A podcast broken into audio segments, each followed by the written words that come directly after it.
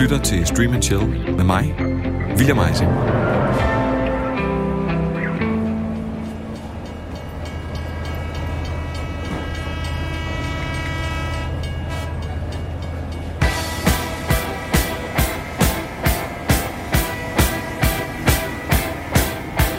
Joanne satte sig hver morgen i toget fra Manchester til London, hvor hun arbejdede. Hun brugte tiden på at drømme et vanvittigt univers op. Et univers centreret om magi og endeløse muligheder. Modsat hendes eget liv, hvor hendes mor døde, og hun blev skilt og flyttede voldsomt med et liv i fattigdom som enlig mor. Det her, det lyder som begyndelsen på en frygtelig historie. Og det kunne det nemt have været, hvis det ikke var fordi den historie, som Joanne drømte op i toget, og derefter nedfældet på papir, handlede om drengen Harry Potter og en magisk verden med troldmænd og hekse.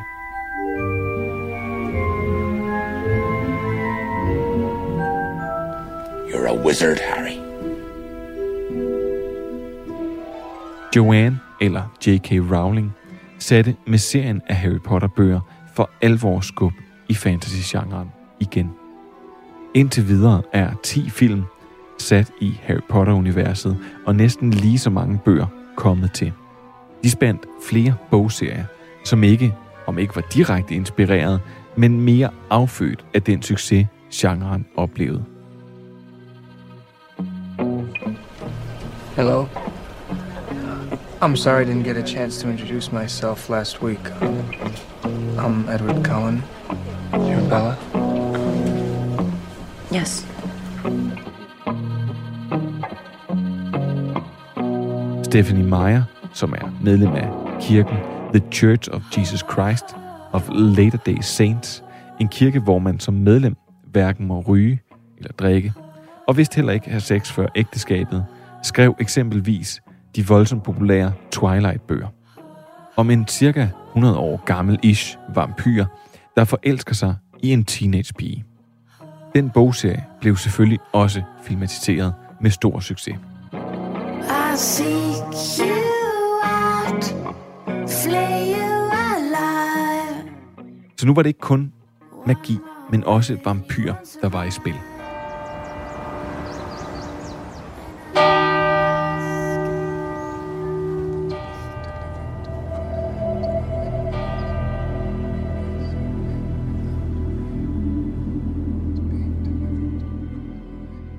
Og i 2011 debuterede Deborah Harkins så i en alder af 46 med sin første bog i All Souls-trilogien. A Discovery of Witches, som blev fulgt op af bøgerne Shadow of Night og The Book of Life. Den første bog strøg direkte ind på The New York Times bestsellerlist, da den blev udgivet, og er i dag oversat til 36 forskellige sprog. Og den bliver ofte sammenlignet med Twilight og Harry Potter-bøgerne. Deborah Harkins har en akademisk baggrund i blandt andet historie, og derfor bygger hendes bøger på flere referencer fra alt fra alkemi til det okulte og historiske personer og begivenheder, blandt andet heksejagten.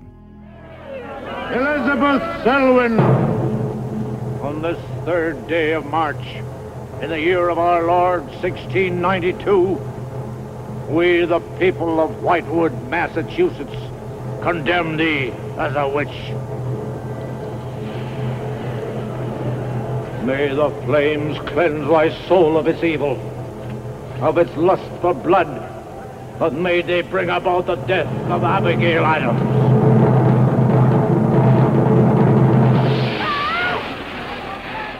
Og ligesom de to tidligere bogserier, jeg lige har talt om, der begge er blevet til profitable filmfranchises, ja, så så Warner Brothers en mulighed og købte rettighederne allerede i 2011. Men projektet det strandede desværre, og en gruppe fans fik deres hjerte knust, indtil engelske Sky annoncerede, at nu havde de købt rettighederne og ville lave All Souls-trilogien til en tv-serie. Første sæson kom i 2019, og nu har anden sæson premiere på HBO Nordic. Og derfor handler Stream and Chill i dag om A Discovery of Witches.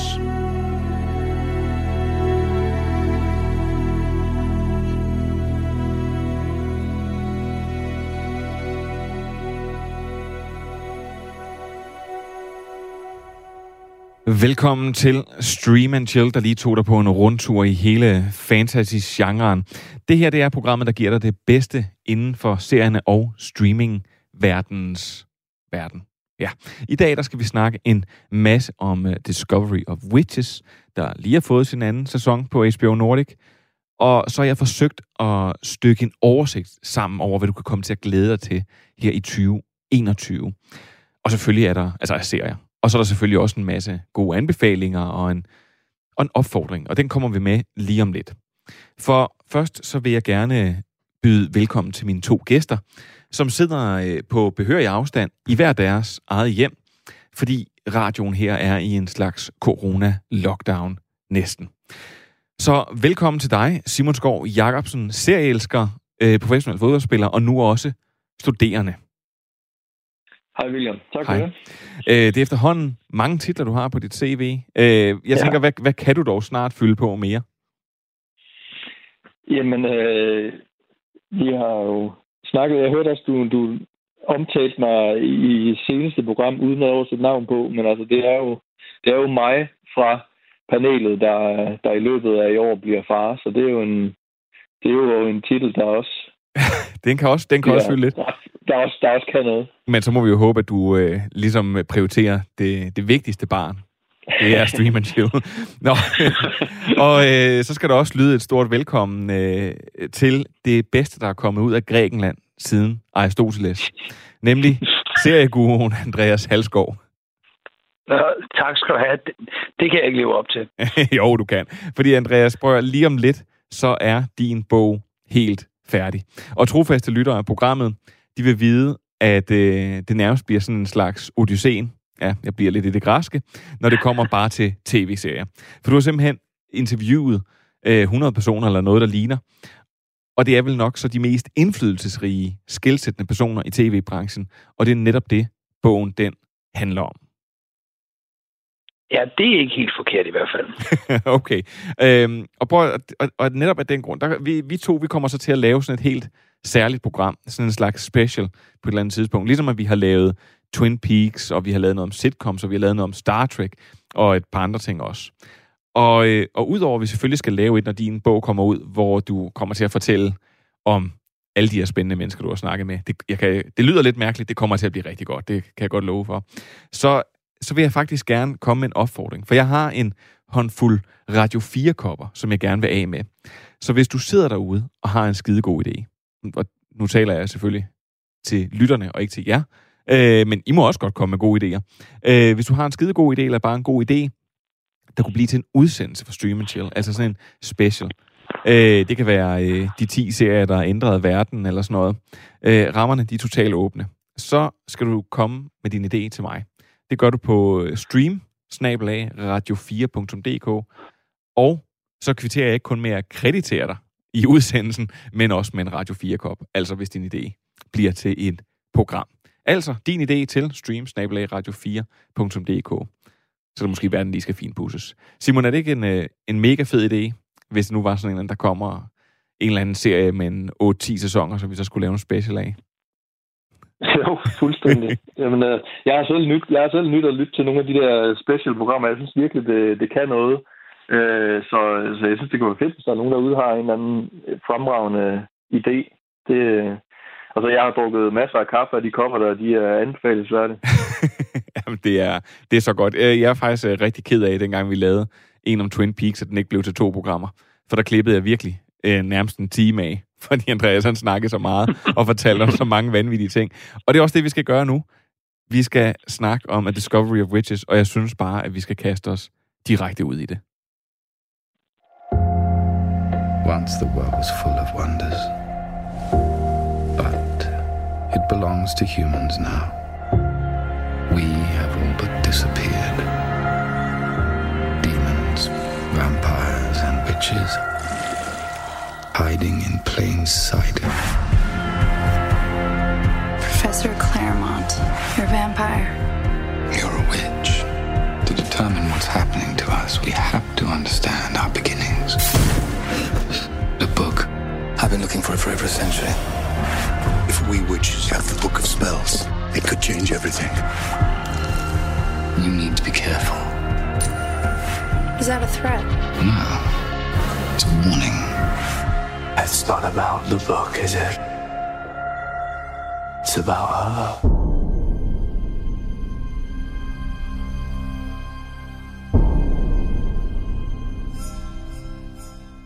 Diana Bishop, spillet af Teresa Palmer, er tenure-historiker fra Yale, der nu studerer ved University of Oxford. Og ved et tilfælde støder hun på en bog i biblioteket. En bog, der ikke bare indeholder hemmeligheder, men som har været forsvundet i århundreder. Og pludselig vækkes der en kraft i Diana, som virker større end hende selv. Og derfor byder den elegante og mystiske Matthew Claremont sig til.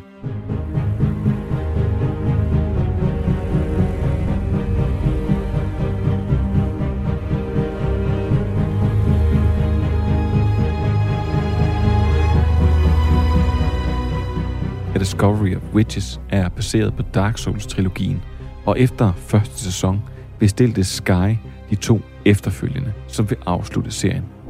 Alle afsnit fra sæson 1 og 2 kan ses på HBO Nordic.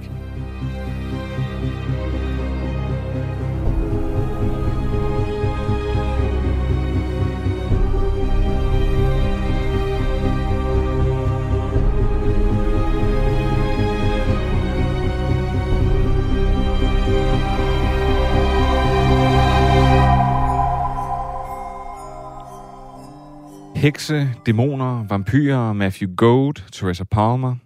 What is not to like, Simon? uh, jamen, øh, en hel masse.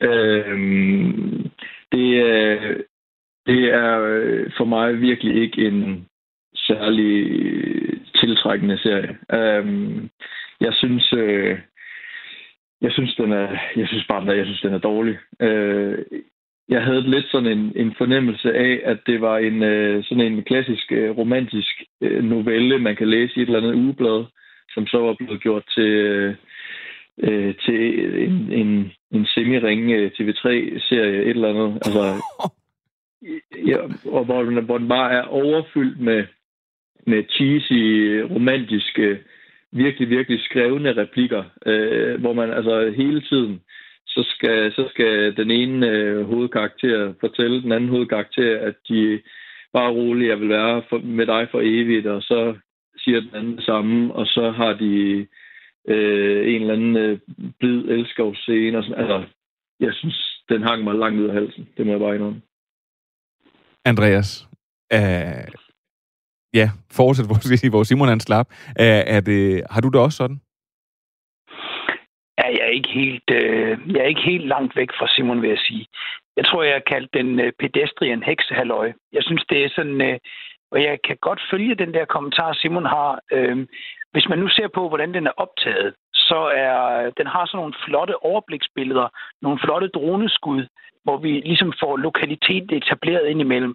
Og det synes jeg er sådan en rigtig fin måde, hvorpå bogstøtterne kan få det til at se ud, som om der faktisk er bøger i reolen.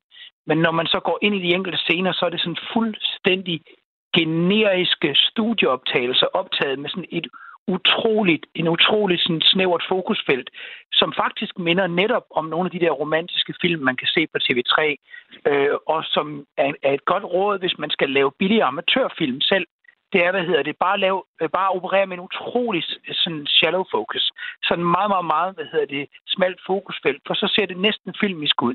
Og det, det synes jeg, de gør. Sådan rent visuelt, så kan den, så etablere den, hver gang etablerer en ny scene, så starter vi ude i nogle flotte establishing shots, og så går vi så ind i en generisk scene, der fuldstændig følger alle sådan helt mainstream-agtigt kedelige regler for, hvordan man klipper dialog, og hvor alle billederne er meget flat, flat komponeret, for derfor at se lidt filmiske ud. Men det kan ikke rigtig sløre ved det faktum, at det meste af det, der foregår i den her serie, det er eksposition.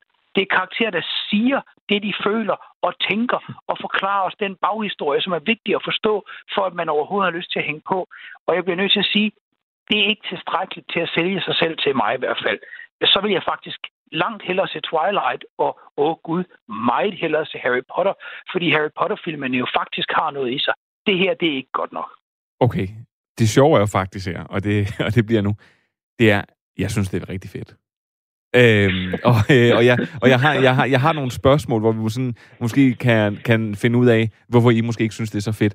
Men jeg, jeg er, det, det, det sjove er, at jeg er jo faktisk enig med, hvad du siger, Andreas. Øh, jeg er enig med, at, øh, at, at, at, som du siger, de siger alt for meget, hvad de føler. De, øh, og Simon, jeg er også enig med dig. Romancen i serien, øh, som ikke skal være nogen hemmelighed, for det er meget, det er der meget lagt op til i traileren, jamen, øh, den, den går også alt for hurtigt. Men på trods af det, og også på trods af, at der rent faktisk er en vampyr, der kører i, øh, der kører i Tesla, så synes jeg faktisk, altså jeg, det, det, Twilight, Twilight, det hænger mig ud af halsen. Og, øh, og jeg har ikke nogen særlig forkærlighed, øh, på trods af, hvad, hvad Kenneth, og jeg tror også du, Simon, tidligere har påstået omkring vampyrer. Men jeg elsker det her fantasy, og jeg synes faktisk, at det er utroligt jeg synes det faktisk, det er utroligt øh, underholdende. Jeg, jeg lapper det i mig. Jeg kan godt se, at den ikke kræver særlig meget af mig, men, men jeg er vild med det. Det er jeg virkelig. Jeg kan slet ikke få nok af det. Jeg glædet mig, og det er derfor, det er derfor vi har den med nu. Øh, og jeg smider den også ud til to meget kredsende herrer, øh, som jeg lidt har fornemmelsen ikke er så meget til hekse og vampyrer. Altså, jeg har jo været med til at skrive en hel bog sammen med Henrik Rytter om vampyr, som faktisk hedder Vampyr. Og har, det er jo rigtig træls, du siger det. Den er udkommet på Lindhardt og Ringhof, og, Ringhof og hvad hedder det. Altså, er meget interesseret i vampyrgenren sådan set, men, øh, og det er jo heller ikke noget nyt, at, at at det der overnaturlige, som vi ser fra en vampyrgenre, er tit så er det et eller andet med nogle urdrifter og noget, øh, hvad hedder det, umulige star-crossed lovers og uforløst seksuallyst og sådan noget, som ligger lige og ulmer ned under overfladen. Det, som vi også har i den her, og at det i virkeligheden er noget romantisk, melodramatisk noget. Altså, åh oh gud, Bram Stokers øh, klassiske Dracula er jo vanvittigt melodramatisk, og jeg kan godt lide den roman, men hvad hedder det, Øhm, og jeg synes bare, der er langt fra de bedste vampyrfilm og serier, og så til denne her. Altså, øh, jeg tror, de fleste er enige om, at for eksempel Buffy The Vampire Slayer er en, hvad hedder det, er en egentlig ny klassiker inden for tv, og øh, der er der masser af eksempler på film, som er fantastiske helt tilbage fra tyske stumfilm som Nosferatu, og over sådan noget som de første sådan, tidlige Dracula-film, der kommer i 30'erne og sådan noget. Altså, jeg synes, der er masser af eksempler på den her genre, der er forløst bedre end i den her serie. Når det er sagt, så tror jeg, at du har ret i, at der nok er en hel, en hel gruppe af øh, tv- og filmseere, som måske i udgangspunktet har en større og mere uhildet kærlighed til genren, end, end det er tilfældet for mig, og måske også Simon. Og på den måde, så, så, siger jeg heller ikke, at der ikke er nogen, der vil elske den den faldt bare ikke i min smag. Men nu siger du, nu, du bringer faktisk øh, nogle gamle eksempler ind, og det er også helt okay, at du bringer også Buffy the Vampire Slayer op, som også efterhånden har været en 20 år på banen eller sådan noget. Ja, øhm, er gammel. Og, og, og, og, og det jeg egentlig bare vil sige, det er, at jeg synes faktisk, at vi havde en øh, øh, vi havde Dracula-serien med, øh, med Klaas Bang med, for i hvert fald, mm. en, en, jeg tror, en, en 50 episoder siden eller sådan noget. Og lige så snart, at han skulle i, det, i den moderne verden, jamen så synes jeg, det faldt fuldstændig fra hinanden. Jeg synes faktisk, at de formår at placere de her sådan lidt eventyrlige figurer og, og pille nogle af de her ting fra dem. Altså, at de... Øh, og sådan, så sige, det, det, det, det, det lader de være over til sådan nogle fabler og sige, jamen de flyver ikke, de er ikke øh, flagermuse, men der er stadigvæk andre ting, som de gør. Og man bliver jo utrolig rundet og klog, når man har levet øh, et, øh, et par hundrede år. Så, altså, så med det i tanke, så synes jeg, jeg synes stadigvæk, at de formår at give noget nyt til genren, og jeg synes, det er utrolig spændende. Men, øh, men Simon, der øh, skal du også til at snakke om Nosferatu nu, og, øh, og Buffy the Vampire Slayer. Nej, nej, det skal jeg ikke, fordi altså, I har begge to ret i, at, at jeg er ikke... Øh, Oh, specielt Du har ikke også skrevet i, en bog om vampyrer? Nej, nej, det har jeg ikke. Øh, jeg, jeg, jeg kender øh, vampyrer fra, øh, som sagt, ja, Dracula så jeg også øh, i, i Scream and Chill-regi, øh, og er rigtig glad for, for Claes Bang som Dracula, men ikke øh, serien generelt. Og så har jeg set What We Do in the Shadows, som må man sige er en helt anden genre. Øh, så har jeg set øh, Lad den rette komme ind, øh, men, men ellers så er jeg ikke øh, vildt stærk i genren. Jeg, jeg har det nok bedst, når når det foregår i et, i et øh, teenage-miljø. Altså, jeg forbinder det meget med en teenage-genre, og der, der kan jeg egentlig godt blive fanget af det. Jeg synes, jeg synes det bliver på en eller anden måde meget voksent og alvorligt. Øh, og havde det så været en, en, øh, en fed rolle, som, som... Altså, vi roste jo virkelig Klaas Bang dengang, og med, og med god grund. Han var fantastisk som Dracula. Øh, men jeg synes virkelig ikke, Matthew Goat, eller den hedder, øh, er særlig fed. Jeg synes, han er totalt ukarismatisk. Øh, jeg synes, han er, jeg synes, han, var, han er fed i, i The Crown, hvor han spiller den der, altså Princess Margaret's øh, sådan øh, boheme-fotograf, øh, der øh, knaller med alle sine, øh, sine klienter, og sådan lidt, lidt mystisk, lidt øh, speciel, lidt flot fyr og et eller andet. Her, det synes jeg, han er helt, helt ukarismatisk og, og kedelig. Øh, jeg synes, jeg synes, for mig tror jeg, det havde været mere spændende at følge hans, altså den, den yngre vampyr, ham der hedder Markus i serien. Men der er faktisk også skrevet, øh, der er vist, du kan være, du får chancen, for der er vist uh, hendes, uh, hendes efterfølgende bøger skrevet om ham. Okay, så, altså, så, så tror jeg måske, jeg kunne, jeg kunne komme på, fordi altså, han har den der sådan lidt, lidt et specielt look. Øh, nogle gange er han lækker og charmerende, nogle gange ser han lidt weird ud. Øh, han, han, han, der, han fanger mig faktisk lidt i den verden, hvor han skal øh, er vampyr i nutidens London og sådan noget. Der er nogle ting der. Det, det, det fanger mig meget mere, end, end når de er tilbage i 15-1600-tallet og bare med plader romantik og helt ukarismatiske karakterer. Men jeg vil faktisk sige lige, lige præcis det. Jeg vil jo sige, at jeg synes, der er enormt stor forskel på sæson 1 og sæson 2. Fordi netop på sæson 1, den intro, den har, er det der med it begins with lust, it begins with et eller andet, og så skal man have den samme voice over. Øh, mm. Nu gentog jeg hele sæson 1, og synes stadigvæk, at sæson 1 var fed, men jeg havde helt, altså jeg lykkeligt glemt, at, at, det var, at det, var sådan lidt, det var sådan lidt cheesy, og jeg tror også, det var derfor, det overraskede mig så meget, første gang jeg så den, at jeg tænkte, okay, det var, det, det, det var godt nok cheesy, altså lige den der intro, men så var jeg egentlig bidt med på, men derfra, så synes jeg faktisk, at anden sæson er, er noget bedre. Men der er, jeg ved ikke, om du er kommet så langt, eller om du simpelthen bare har stået helt af. Øh, altså, jeg overrasker jo mig selv gang på gang, og jeg har simpelthen set det hele. Okay, fedt. Det er jo, øh, det er jo 17 episoder. Ja, og, øh, og, og altså, nogle gange med de serier, jeg, jeg, jeg synes er dårlige, så, så det tænker jeg, alle har oplevet. Altså, så, så er man røget ind i et eller andet, man, man jo godt kan se er dårligt, men, men man bliver alligevel hængende af en eller anden grund. Øh, det kan være, der er, der er alligevel et spændende krimiplot, eller det kan være, der er en eller anden øh, åndssvag romantisk historie, man håber, man bare godt vil have en lykkelig slutning på, eller et eller andet.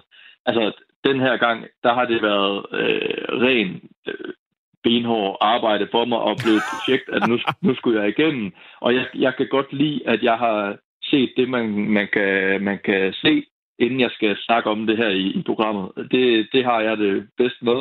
Så, så derfor så har jeg øh, virkelig knoklet for at komme igennem det her. Og det, og det er uden tvivl den dårligste serie, jeg har set to fulde sæsoner af.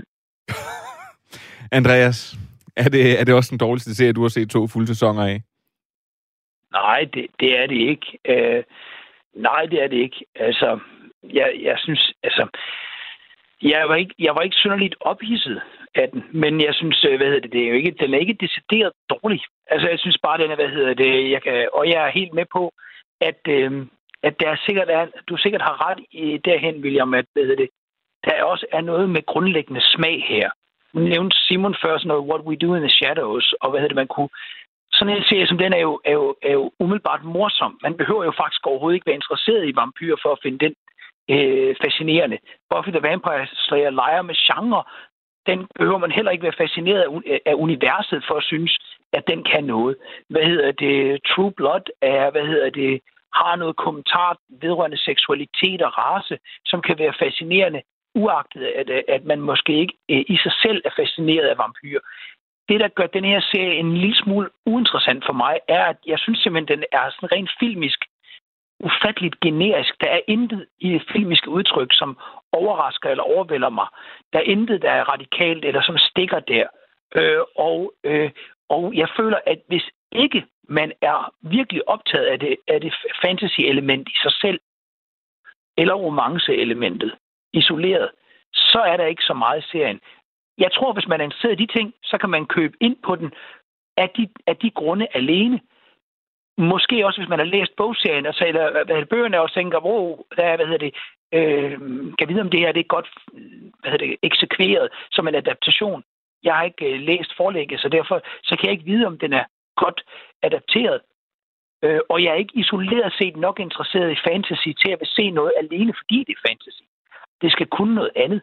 Det skal kunne mere end at tilhøre den genre. Jeg, jeg kan godt lide masser af science fiction film, men det gjorde ikke, at jeg synes Raised by Wolves var fantastisk. Altså, øh, sådan at der, der er masser af eksempler på genreværker, jeg ikke synes er interessant alene fordi de tilhører en given genre. Og det er lidt tilfældet her. Jeg synes ikke, den kan mere, end hvad det er allermest generisk inden for genren. Ved du hvad? Og med det, så synes jeg egentlig, at øh, jeg, jeg kan godt se, at jeg skal opgive kampen om at tale den her serie op. Selvom jeg synes, at den er så virkelig god. Jeg tror, der er noget soapet i den. Det må, der må være noget sådan lidt øh, sæbeopera i den, som, som gør, at jeg bare bliver hugt. Men sæbeopera faktisk, det, det, det, det, tænkte jeg faktisk på undervejs, da jeg sad og så den, tænkte, det her det er jo en sæbeopera med et løft. Og hvordan kan det så være, at jeg ikke kan lide det? Fordi alle de serier, jeg dybest set elsker allermest, er jo sæbeopera i pæn forklædning. Six Feet Under er en sæbeopera. Der er så mange sæbeopera i pæn forklædning. Det er rigtigt, det er der noget af her også. Det kunne være, at vi skulle lave en special, en special, hvor vi lige startede med at se hele Horson-sagaen. så snakke om det. Nej, prøv. Øh, men, men det er noget, der er noget sæbeopera. Jeg tror, jeg, jeg tror, det er den fælde. Altså ikke, fordi jeg skal undskylde på nogen måde for mig selv. Jeg vil glædeligt stå ved den her. Og jeg har faktisk anbefalet den til, til flere som har været virkelig glad for øh, sæson 1. Øh, men jeg tror simpelthen, det andet er måske lige en tand for cheeset og sæbeoperagtigt til jer. Og med det, så synes jeg, vi skal finde ud af, hvem der bliver rigtig glad for A Discovery of Witches. Det her er Radio 4, hvor du lytter til Stream and Chill, programmet, der giver dig det nyeste inden for tv- og serieverdenen. Du kan altid finde os på diverse podcasttjenester og på Radio 4's hjemmeside og app. Simon, det er jo... Øh, oh, den er svær, den her. Men hvem vil blive rigtig glad for A Discovery of Witches? Men jeg, jeg kan jo forstå, at vores øh, gode venner fra Vi Elsker Serie øh, har Ja, det er en, rigtigt. Trine, hun, send, en, hun sendte dig en anmeldelse. Også, som bare... Ja, og jeg, og jeg havde faktisk læst den inden, fordi jeg havde søgt lidt rundt og set, hvad, hvad, hvad folk egentlig skrev om den, og, og hvad, om der var en eller anden øh, generel holdning til, hvad det, hvad det var for en serie. Øh, og så kom jeg også ind på Vi Elsker Serier, og deres anmelder skriver jo, at, at hun har været, altså, var stor fan af, af bøgerne og, og hele universet, og havde glædet sig helt sindssygt til, at der kom en serie, og var også stor fan af sæson 1, og gav den en rigtig god anmeldelse, og glædede sig så bare helt vildt meget til sæson 2. Så, så altså, det respekterer jeg selvfølgelig også, at hvis, hvis, man, øh, hvis man er stor fan af boguniverset og har nyt at læse bøgerne, ligesom jeg selv var med Harry Potter, der har jeg, jeg vokset op med Harry Potter og elsket bøgerne og elsker filmene, jamen, så synes jeg da helt klart, at man skal se øh, serien af Discovery of Witches, hvis man også har øh, er, er helt inde i universet og har nyt, øh, hvad hedder det, øhm, bøgerne, og, synes, det er, synes, det er skide fedt det hele. Altså, så, så får man nok et eller andet ud af det, fordi det, det kan jeg jo forstå på den anmeldelse. Så, uh, men som Andreas siger, jeg, jeg vil ikke anbefale den til nogen, som som ikke har noget øh, kendskab til det i forvejen. Altså bare fordi jeg ved, de godt kan lide øh, Harry Potter eller øh, alle fantasy, så kommer jeg ikke til at sige, men så prøv at gå ind og se A Discovery of Witches. Apropos. Det er kun til dem, jeg ved øh, har læst bøgerne, hvis jeg lige pludselig støder på nogle af dem. Apropos Harry Potter. Jeg fandt lige ud af, at min første Harry Potter-bog, den fylder 23 øh, i år. Ja. og, øh, og der kommer et vildt genoptryk med nogle, altså nogle virkelig flotte bøger. Nu skal du være far, så skal du købe dem som sådan en gave til, Jamen det, til dig selv. Det kan jeg love dig for, jeg skal. altså det, som sagt, det er, vi, er jo, vi er jo lige i, i nogenlunde på alder med Harry Potter, da han udkom Præcis. første gang. Ikke? Man er bare fuldt. Så jo, man er fuldt, man er lige så gammel som Harry Potter. Det er noget helt andet. Ja. Øhm, prøv Andreas, hvem vil blive glad for A Discovery of Witches? Skal man have læst bøgerne, ligesom Simon siger? Jeg tror, det er en mulig forudsætning. En anden mulighed er, at man har en stærk inklination for det, der foregår i øh, fantastiske universer, koblet med en interesse i, som du selv var inde på, sæbeopera. Og der tror jeg nok, når det kommer et stykke, så er jeg måske i virkeligheden mere sæbeopera-fan, øh, end jeg er fantasy-fan, åbenbart. Fordi jeg kan godt lide sæbeopera, der sådan helt ærlige sæbeopera, der bare handler om du ved, altså læger eller et eller andet, der kysser på kryds og tværs og sådan noget, øh, igennem 300 afsnit. Altså, hvad hedder det? der er jo ikke noget isoleret dårligt i. Men hvad hedder det? Ja, jeg tror, man skal, man skal ligesom kunne lide det melodramatiske, og det der er ærligt melodramatisk, fordi man kan sige, det er jo derfor, jeg synes, der var noget Twilight over den. Det er fordi, jeg synes, den er sådan, den er ægte emo på den måde. Altså, den følelserne er ærlige hele vejen igennem, ikke? Hvor jeg synes, at det er jo egentlig noget af det, der gør, at jeg kan købe ind måske bedre på sådan noget som som øh, måske Buffy eller, eller True Blood eller, øh, eller Harry Potter eksempelvis, det er jo, at jeg synes, der er sådan et, en meget kraftig humor i de værker, som, gør, som, som spider noget af det andet. Og jeg savner lidt øh, det, det, det, enten det humoristiske, eller det, det, hvad kan man sige, det filmisk set lidt radikale. Øh, det er der ikke i. Men hvis man kan lide bøgerne, eller hvis man kan lide fantasy, og bare ikke kan få nok af det, øh, eller hvis man sådan glupsk sluger en hver vampyrserie, jamen så vil jeg tro, at så er det her også noget for en. Øh, men ellers ved jeg ikke helt. Ja, det kan godt være, at der også er noget til dem, der sådan... Øh, og nu nævnte Simon øh, Crown før. Jeg, jeg, ved, jeg, jeg ved ikke, om der også er noget til dem, der... Der er jo en hel gruppe af mennesker, som er fans af alt det britisk.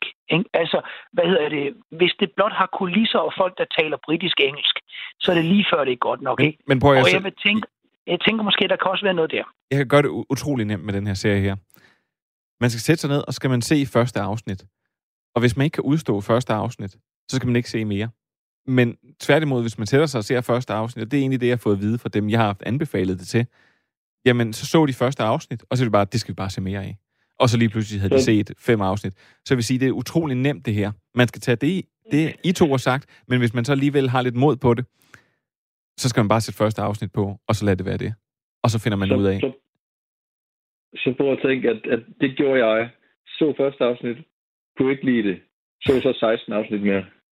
Og med det, så vil jeg sige, at Discovery of Witches ligger på øh, sæson 1 og sæson 2 ligger på HBO Nordic.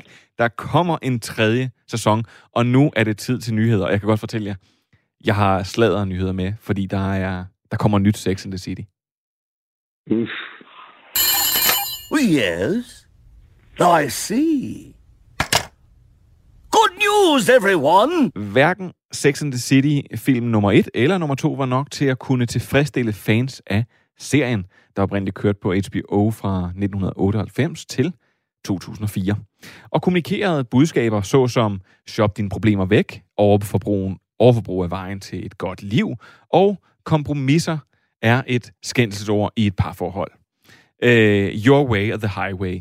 Og af den grund, så er det så er det sikkert også, at, det, at der ikke rigtig er nogen af de altså af den grund, og så også det her, at der er nærmest ikke er nogen af kvinderne, der har haft succes efter serien, så skal, og at HBO nu også skal have en masse indhold til deres gigantiske tjeneste, ja, så genopstår serien Just Like That med 10 episoder. Og ja, det er faktisk det, den skal hedde her i anden omgang, And Just Like That. Men i pressematerialet, og nu kommer sladerelementet, øh, der står der ikke noget om Kim Cattrall. Øh, det var skuespillerinden, der spillede Samantha. Og nu kommer vi til det spændende i denne her nyhed. For rygten har svirret i overvis om, hvor, øh, hvordan Sarah Jessica Parker rent udsagt var og er et frygteligt menneske overfor Kim Cattrall, som øh, hun fik øh, frosset ude på sættet og en masse andre ting. Og til sidst, så kunne Kim Cattrall, øh, der også lige for en god ordens skyld, skal vi lige nok nævne her, heller ikke har et rygte for at være verdens nemmeste at arbejde sammen med, ikke tage det mere. Det var derfor, der ikke kom nogen tredje film, og det er vist derfor, at hun ikke skal være med her i den nye serie. Fordi Sarah Jessica Parker, hun har lidt af et ry for at være en frygtelig diva og generelt være besværlig. Men derudover så forbrød hun sig også mod fællesskabet. Fordi for eksempel på serier som Friends, hvor castet består af seks hovedkarakterer, der forhandlede de seks venner i fællesskab for at undgå interne stridigheder, altså når de skulle forhandle om løn. Øh, David Swimmer og Jennifer Anderson, Jennifer Aniston hedder hun selvfølgelig, sagde flere gange nej til at få en højere løn, fordi de ikke ville skabe ulighed, og fordi øh, så, så selskabet ikke kunne presse de andre skuespillere. Det sked Sarah Jessica Parker så højt og flot på i serien, og hun sikrede sig først og fremmest sig selv en rigtig god kontrakt. Og derefter så kunne HBO så presse de andre skuespillere ind lidt mere. Så ingen Kim Cattrall i den nye omgang Sex and the City, som opstarter optagelser til foråret. Og derudover, så vil jeg sige, så nu har vi fået sladeren af vejen, så skulle vi også lige have en lille liste med nogle af de serier, du kan glæde dig til i det nye år. Øh, og der er rigtig, rigtig mange, men jeg har sådan håndplukket det, der umiddelbart ser mest spændende ud. Den første, det er Ripley, som er serieudgaven af The Talented Mr. Ripley. Serien har Andrew Scott i hovedrollen, og Steve øh, Salian, der har skrevet manus til Martin Scorsese's The Irishman, og stod bag HBO-serien The Night Of. Han er showrunner på projektet. Og der er ikke nogen premieredato endnu, men det er en Showtime-serie, så den lander nok på HBO. Som så kommer der øh, det næste kapitel i American Crime Story, som tidligere fortalt historier om O.J. Simpson og Gianni Versace. Denne gang så bliver det så med Monica Lewinsky og Bill Clinton-skandalen. Og den får premiere i foråret her på Netflix. Tom Hiddleston, han vender tilbage til MCU-karakteren Loki, og det gør han i Disney Plus-serien Loki, som kommer til maj, og som omtales faktisk som en thriller mere end noget andet. Og den har blandt andet Owen Wilson på rollelisten. Du kan også godt glæde dig til Apple TV Plus helt store sci-fi satsning, satsning, nemlig Isaac Asimovs Foundation-bøger, der bliver til en ny serie. Bøgerne de har blandt andet været en kæmpe inspiration for George Lucas, da han skabte Star Wars-universet. Og på Disney Plus der kommer der også nyt fra serieskaberen David E. Kelly, der igen går sammen med Nicole Kidman, når de laver øh, romanen Nine Perfect Strangers om til en serie. Der er ikke nogen premiere-dato endnu på den, men den kommer i år. Og ligesom Loki øh, var en af MCU-karaktererne, der får sin egen serie, så gør Jeremy Renners Marvel-superhelt Hawkeye det også. Han får sin egen serie på Disney+, Plus, og det sker i løbet af året nok sidste kvartal. Til gengæld så skal du kun vente til 19. marts, før der kommer uh, The Falcon and the Winter Soldier, som får de premiere på Disney+. Plus. Så altså tre Marvel-serier, faktisk fire Marvel-serier, for i næste uge så kommer øh, uh, Wonder Vision. Og så kommer der også en ret vild L.A. Lakers-serie, der endnu ikke har fået nogen titel. Det er Adam McKay, manden, der blandt andet har lavet The Big Short, som laver en miniserie om L.A. Lakers i 80'erne. Og den skulle meget gerne ende på HBO i år. Ja, der er mange flere meget spændende nye serier, men hvis vi skal nå anbefalinger, så slutter det altså her. Og så selvfølgelig bare lige som en note, så er det selvfølgelig også i år, at Lord of the Rings selvfølgelig kommer på Amazon Prime. Og det er nyhederne for denne gang. Det her er Radio 4, og du lytter til Stream and Chill, programmet, der giver dig det nyeste inden for tv- og serieverdenen. Du kan altid finde os på diverse podcasttjenester og på Radio 4's hjemmeside og app. Og her er stadigvæk Andreas Halskov og Simon Skov Jacobsen med på telefonerne. Er der nogle af de her titler, I glæder jer sådan særlig meget til? Øhm, jeg, jeg, altså, jeg, jeg kan ikke lade være med at glæde mig til Sex and the City. øh, jeg, det er sådan en af de serier, jeg har sammen med ligesom Friends. Jeg har aldrig set den fra ende til anden, men jeg tror alligevel, jeg har set alle afsnit. Øh, og øh, jeg har også set filmen, og jeg synes sgu egentlig, jeg kan bare godt lide det univers. Men det bliver også, det bliver også en sæson, jeg kommer til at, at se uden nogen som helst forventninger. Øh, fordi... Det tror jeg godt. Ja, ja, det er også det. Så jeg vil sige, den og så uh, Ripley glæder jeg mig til. Jeg tror ikke engang, jeg behøver at sige, at Andreas han glæder sig øh, sindssygt meget til Foundation. Den har vi allerede snakket en del om. Med, det gør jeg også. Men ellers så har jeg det faktisk ligesom Simon. Oh. Jeg glæder mig til øh, vildt til Sex and the City. Jeg, den har jeg set flere gange fra ende til anden.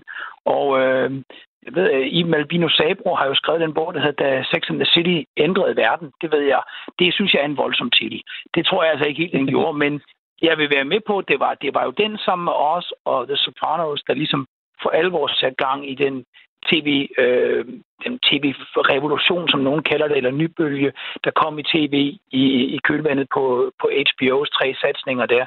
Og den, den, den var der virkelig nybrydende på en række forskellige fronter og har, har lagt spor ud til sådan nogle nyere øh, serier som Girls, I May Destroy You og Looking, som vi har talt om tidligere. Jeg kan rigtig godt lide Sex and the City. Jeg tror nok, det skal blive spændende. Synes den første film var god. Den anden synes jeg var, var, var knap så god, men jeg sad der i biografen, som så vidt jeg husker sammen med min hustru, der, der, der tror jeg, jeg var den eneste mand i biografen, da vi fik goodie bags til den film. Nå, men prøv at høre, vi skal faktisk egentlig til noget, der er meget vigtigere end Andreas' uh, goodie bags anekdoter om Sex and the City, og det er anbefalinger. Og øh, nu har jeg jo haft en, øh, en, øh, en forlænget juleferie, øh, for streaming Chill. Så jeg forventer, at jeg har set sindssygt meget. Og så er der stille. Øh, jeg synes, at øh, Simon, du skal have lov til at lægge ud. Jamen, altså, jeg har, jeg synes også, jeg har set øh, rigtig meget. Blandt andet så er jeg i gang med fuldstændig at binge-watch uh, It's Always Sunny in Philadelphia, fordi den har jeg efterhånden hørt.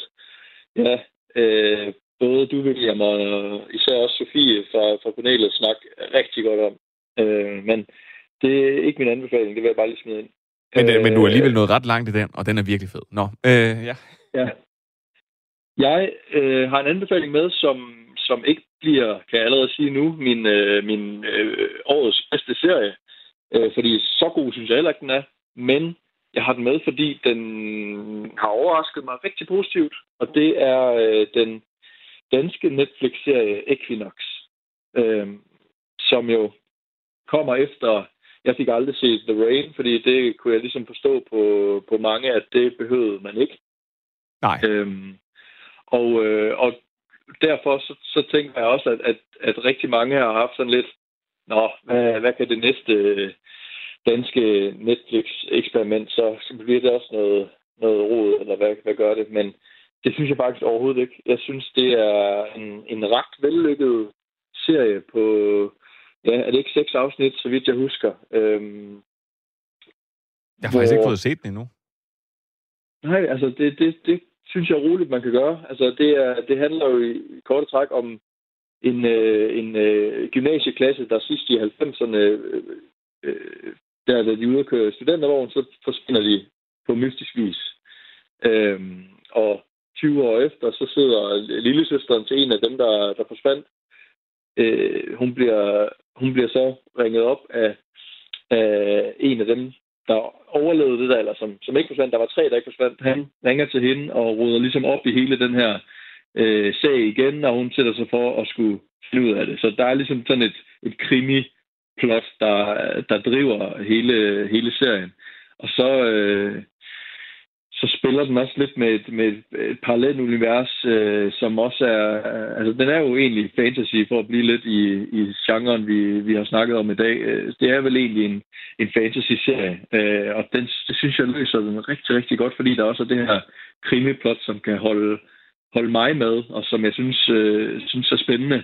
Øh, og så, så, er det, så er det modsat, hvad jeg kunne forstå fra The Rain, tror jeg nok, øh, rigtig, rigtig gode skuespilspræstationer. Jeg synes, øh, Danica Tjukic, hvis jeg udtaler det korrekt, synes jeg er, er rigtig god, som hun oftest er. Øh, og jeg synes, nogle af, af de, de yngre skuespillere også øh, er rigtig dygtige. Jeg synes, det er en overraskende vellykket øh, dansk Netflix-serie. Det synes jeg var, var rigtig dejligt at se. Ja, Danica Tjukic, øh, ja, Ja, jeg heller ikke. Ja, Danica. Lad os kalde hende det bare.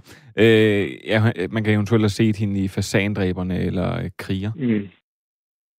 Ja. På det kongelige teater, hun er... Ja, der er så fint sted, så fint sted kommer Simon jeg slet ikke. øh, men, men nej, det... Og jeg tror, at Simon går i det kongelige teater jævnligt, William. Prøv at den, øh, ikke lige for tiden i hvert fald. Jeg vil, jeg vil sige, jeg, jeg har faktisk også hørt rigtig, rigtig meget godt om den her, og det er, øh, det er virkelig en, jeg skal have sat mig og, og, og set. Øh, men, men jeg begyndte at forberede mig sådan til nogle af de her programmer, ligesom da den kom ud, og så slap den igennem brædderne. Men, mm. men, men minder den, skulle sige, det der jo måske var lidt kritikken af The Rain, det var, at den mindede lidt for meget om dansk produktion. Altså, minder det her mere om de flotte Netflix-serier, som vi har set? Øh, altså, det, det er jeg generelt øh, dårligt til at svare på, synes jeg, fordi det, øh, det har jeg ikke øh, hverken sådan de tekniske begreber til at svare på, eller egentlig noget, jeg på den måde lægger vildt meget mærke til. Men, men umiddelbart, så ja, jeg synes, den er, jeg synes i hvert fald, den er, den er flot. Øh, hvis jeg bare med min egen øh, amatørøjne skal se på det, øh, så synes jeg, den er flot. Jeg synes, øh, jeg synes den er ret vellykket i øh, sådan øh, special effects, øh, end hvad man kunne, kunne frygte. Øh, jeg synes, den, den ligner en serie, der er blevet blevet brugt nogle penge på. Øhm, så altså, det er i hvert fald min umiddelbare vurdering, at, at der er den også lykkedes ret godt. Så man skal ikke lytte til for eksempel, jeg tror det var Ekstrabladet eller et eller andet, der kaldte det for det nyt dansk Netflix-flop. Man skal, man skal give Equinox en chance. Ja, det, det synes jeg bestemt, man skal. Og så, øh, altså, den er dejlig overskuelig. Der er seks afsnit af de der for 45 minutter, så, så det er jo heller ikke et, øh, et øh, kæmpe projekt, der kan stå over. Øh, så, øh, så yes, altså, helt klart øh, synes jeg, man skal, man skal give den en chance. Jamen ved du hvad, det, øh, det er her med annonceret Equinox på Netflix. Øh, jeg har en super kort en, Andreas, så jeg tænker, du, øh, du har det nogle gange med, at, ligesom mig, og ikke at kunne fatte dig i korthed, men så kan du overtage efter mig. Fordi jeg har set, jeg har set Death to 2020. En uh, mockumentary lavet af de to uh, Black Mirror-skaber, Charlie Brooker og Annabelle Jones, som ligger på Netflix. Er der nogen af jer, der har set den? Endnu ikke, nej. Nej. Øh, jeg, jeg lavede den der, hvor man kommer til at, at, at lige flippe over den, og så kører, så starter traileren jo med det samme. Og så siger øh, Samuel Jackson, som er med i den, at øh, noget med, at, øh, at hele, hele verden øh, gik, øh, altså hele verden gik amok over øh, Greta Thunberg, som egentlig bare er en øh, norsk udgave af Billie Eilish. Øh, den eneste store forskel er bare, at hun siger kun deprimerende ting. Og så tænkte jeg, det, det ser simpelthen sjovt ud. Og så sagde jeg mig, og den er en, den maler et smukt billede af 2020 på en time og 10 minutter. Hvor jeg faktisk må indrømme, at jeg aldrig nogensinde kom til at kede mig. Hugh Grant, han er med, han spiller en eller anden professor. Samuel Jackson, han skal være en eller anden mediemand. Og Lisa Kudrow, hun spiller sådan en slags Kellyanne Conway.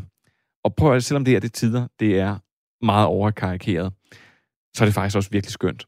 Og det er øh, 2020 er virkelig året, man skulle lave noget om. Og så vil jeg faktisk sige noget af det allerbedste, og det, det, er, sådan et, det er jo det, de har brugt hele den her mockumentary-stil til, det er, at de har en housewife med, som de taler med. Og hun starter sådan rimelig normalt, med altså de her hjemmesendelser og alt, hvad hun sådan egentlig... Hun sidder den bare sådan også og kommenterer på, hvad 2020 har været for en år. Men gennem filmen, så udvikler hun sig. Og hun udvikler sig nærmest til, til sidst. Altså nogle af de ting, hun siger, at være sådan en full-blown nynazist, fordi hun har siddet og læst inde på alle mulige mærkelige internetforumer. Og, øh, og så bryder hun pludselig formatet, og sådan og spørger, altså, skal han være i mit hus? Og så er det åbenbart en fra filmcrewet, som er sort. Og sådan, om, om man så har stjålet noget, om der er nogen, der holder øje med ham. Øh, den her Death to, 20, Death to 2020, den er virkelig, virkelig god. Og det er en time og 10 minutter, som er virkelig, virkelig... Altså, jeg blev bare virkelig godt underholdt. Se den. Netflix. Og så stille. Nej, den, jeg skulle til at sige, den tror jeg faktisk, jeg, jeg skal ud og lave mad her til mig og min kæreste med. Det kunne meget passende med den, der, der kører imens. En time og 10 minutter, så er det et ambitiøst madprojekt. Øh, Andreas, ja. Andreas hvad, har du, øh, hvad har du med som din uh, anbefaling i den her uge? Det er, jamen altså, jeg har jo hørt om Charlie Brookers uh, ting der, og hvad hedder det, jeg ved, han er, jo, han er jo ligesom sådan den store stjerne i det korte format, og antologiserierne lige nu, eller i hvert fald en af dem. Øh, og, men jeg har valgt sådan, jeg tænkte, nu vil jeg tage et eller andet, der gik lidt i retning af det her med det melodramatiske, men med en iklædning af noget sådan æstetisk fra en genre, og som, øh, og som fænger mig ret meget. Og det, øh, det er sådan en, efterhånden er det vel en slags ny klassiker, kan man godt sige. Jeg vil anbefale The Americans, øh, FX-serien, som ligger på Viaplay, der seks sæsoner serie skabt øh, af Joe Weisberg og øh, hvad hedder det, så med Joel Fields som executive producer på den. Man har ligesom lavet øh, lidt ligesom, ja, man nogle gange ser i amerikansk tv, hvor der er en eller anden øh, skaber, der kommer ind og har en idé til en serie, så øh, har vedkommende ikke haft nogen erfaring i tv før, så kobler man den person sammen med en, der har erfaring ude i det at producere og skrive til tv.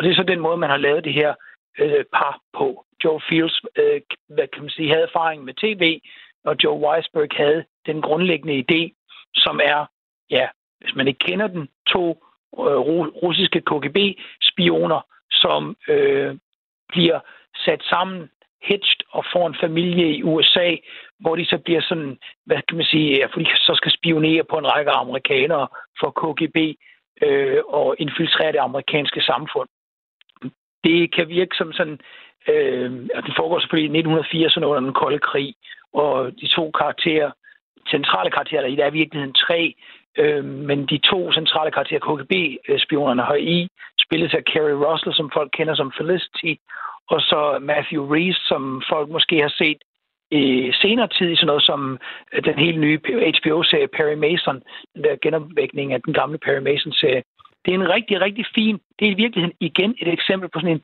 en sæbeopera, et stykke hen ad vejen, familiemelodrama, som så bare har nogle fantastisk sådan, øh, sådan spændingselementer, den er meget sådan, øh, den, er, den blander noget meget filmisk i sit udtryk, ikke mindst i sin anvendelse af musik.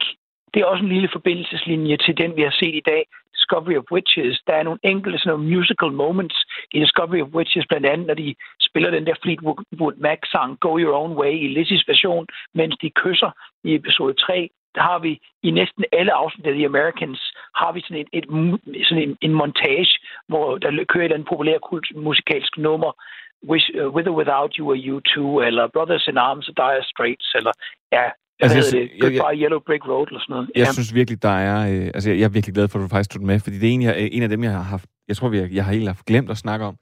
For jeg synes, at den er så fed. Og du glemmer også lige at nævne, at Marco Martindale og Frank Langella, begge to har øh, relativt store roller i serien også, synes jeg. Ja, ja, ja, ja jamen, jeg fik slet ikke nævnt, jamen det er rigtigt, Frank Langella spiller en ret central rolle, særligt når vi kommer et stykke ind i serien. Og jeg vil faktisk sige, det er netop det, er det der var med den her serie, det var, jeg synes, jeg oplevede, at, at første sæson skal lige i gang, men så bliver den rigtig, rigtig god, og så er første, anden og tredje sæson, som jeg husker det, faktisk rigtig, rigtig gode. Så er fjerde sæson øh, mindre god, og femte sæson synes jeg faktisk ikke er særlig vellykket. Men så kommer sjette sæson, og måske nærmest en af seriens bedste. Øh, sjette sæson synes jeg er den bedste sæson af, i serien. Øh, og jeg er enig, den skal ligesom i gang. Der er nogle momenter allerede i det første afsnit i piloten, hvor vi har, altså, hvor de får, hvad kan man sige, smidt et liv øh, væk.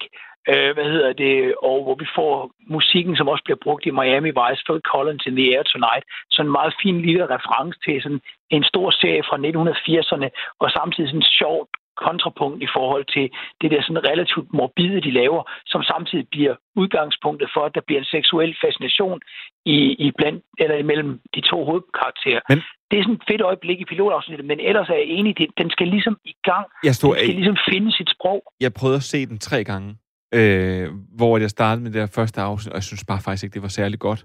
Og så var det første, da jeg faktisk gik i gang fjerde gang, for jeg, jeg, jeg så, prøvede at se med helt, da den kom, og så efter et par år, og så prøvede jeg sådan lidt igen. Og det, og det var faktisk det første afsnit, synes jeg var ret svært at komme igennem, for jeg synes ikke, det er særlig godt, og det har mange... Altså, det, det ser også lidt, det ser ikke lige så godt ud som det andet. Men når, men når den kommer i gang, så synes jeg faktisk, den er virkelig, virkelig spændende. Og det her med, at man lige pludselig skal, skulle sige, hæppe på russerne på en eller anden måde, det er mærkeligt, men den præmis, den købte jeg lynhurtigt. Jeg synes, det er en, en helt genial serie, og jeg var altså så glad for 6. sæson, og så glad for de første tre sæsoner. Og man oplever faktisk, når man tætter sig og kan se det sådan ud i en køre, så oplever man faktisk først, at, at femte sæson er sådan lidt, ah, før den, altså, og så er den nærmest slut. Så, så, Jamen, jeg synes selv faktisk, og jeg synes selv, at der er øjeblik i femte sæson.